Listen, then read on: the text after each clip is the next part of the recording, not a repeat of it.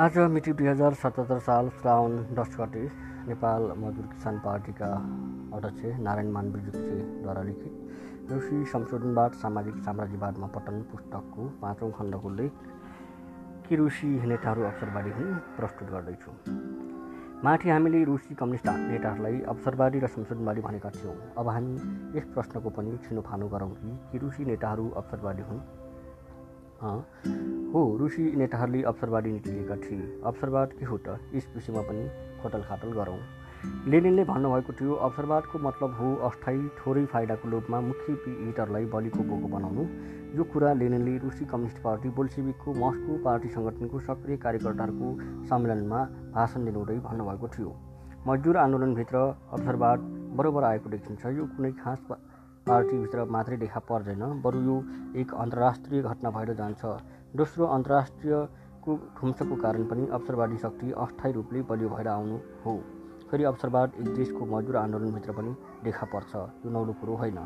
उन्नाइसौँ शताब्दीको अन्त र बिसौँ शताब्दीको धेरै पहिले नै साम्राज्यवादले बेलायती मजदुरहरूमा फाँटो ल्याउने तिनीहरूको बिचमा अवसरवादलाई बलियो बनाउने र मजदुर वर्गको आन्दोलनलाई अस्थायी रूपले ह्रास गर्ने प्रयास गर्यो।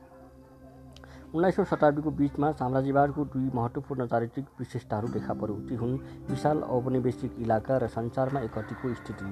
मार्क्स र एङ्गल्सले दस र बिस वर्षसम्म मजदुर आन्दोलनमा अवसरवाद र बेलायती पुँजीवादको साम्राज्यवादी विशेषताहरूको बिचको सम्बन्धलाई अध्ययन गर्नुभयो र पत्ता लगाउनुभयो। सात अक्टोबर अठार सय अन्ठाउन्नमा एङ्गल्सले मार्क्सलाई लेख्नुभयो।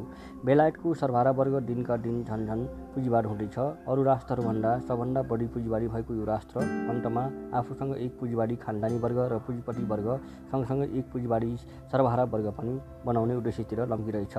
प्रष्टै छ सारा सारा संसारलाई सुस्ने र एक यस्तो राष्ट्रको निम्ति यो कुरो केही सीमासम्म ठिक पनि छ। सन् अठार सय बयासी सेप्टेम्बर बाह्रमा एङ्गल्सले काउस्कीलाई लेख्नुभएको पत्रमा बेलायती मजदुर वर्गको विचारलाई दिएर फेरि भन्नुभयो तपाईँ मसँग औपनिवेशिक नीतिबारे बेलायती मजदुरहरूको विचार सोध्नुहुन्छ। तिनीहरू यसबारे ठिक त्यसरी नै सोध्छन् जसरी साधारणतया राजनीतिबारे पुँजीवादीहरू सोध्छन्। यहाँ कुनै मजदुर पार्टी छैन बुझ्नुभयो। यहाँ खालि पुरातनपन्थी र उदार परिवर्तनवादीहरू मात्र छन्। बेलायतको उपनिवेशहरू र संसारको बजारको एकहट्टीको भोजमा मजदुरहरू पनि खुसी भएर भाग लिन्छन्। सन् अठार सय बयानब्बेमा इङ्ग्लिसले बेलायती मजदुर वर्गको अवस्था भन्ने आफ्नो रचनाको भूमिका लेख्नुभयो। त्यसमा उहाँले बेलायती मजदुरहरूको विचारको स्थितिबारे फेरि लेख्नुभयो। सत्य यो हो कि बेलायतको औद्योगिक एकहट्टीको बेलामा बेलायतका मजदुर वर्गले केही हदसम्म एकहट्टीको फाइदामा हिस्सा पाएका थिए। लेनिनले त्यसको कारण र परिणामबारे लेख्नुभयो। यस देशको सारा संसारको शोषण संसारको बजारमा उसको एकहट्टीको स्थिति यसको औपनिवेशिक एकहट्टी यसका असरहरू हुन्। क बेलायती मजदुरहरूको एक भाग पुँजीवादी भएर जानु। ख सर्वहारा वर्गको एक हिस्सा यस्ता मानिसहरूबाट नेतृत्व गरेका छन् जो पुँजीपति वर्गबाट निस्किएका छन् अथवा कमसेकम तिनीहरूबाट तलब पाउँछन्।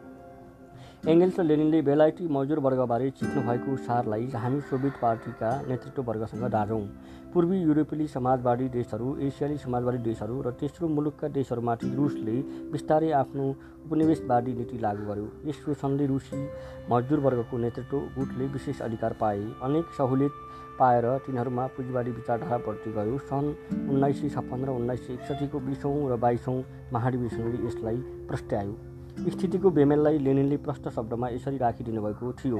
वर्तमान अवस्थाको खास विशेषता आर्थिक र राजनैतिक प्रमुखता हो जसले गर्दा अवसरवाद र मजदुर आन्दोलनको साधारण र मुख्य स्वार्थको बिचको बेमेल झन चर्कनै पर्थ्यो। साम्राज्यवादले एक सानो बिउबाट प्रभुत्व जमाउने व्यवस्थामा विकास गर्यो।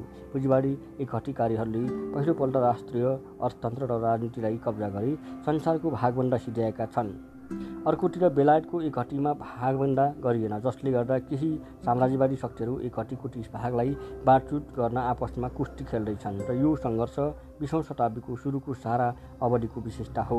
साम्राज्यवादीहरूको हानथापको बेलामा ती देशका मजदुर वर्गमा त्यसको असर जरुरै पर्दथ्यो तर त्यस बेलासम्म अवसरवादले मजदुर आन्दोलनमाथि विजय पाइसकेका थिए थिएन।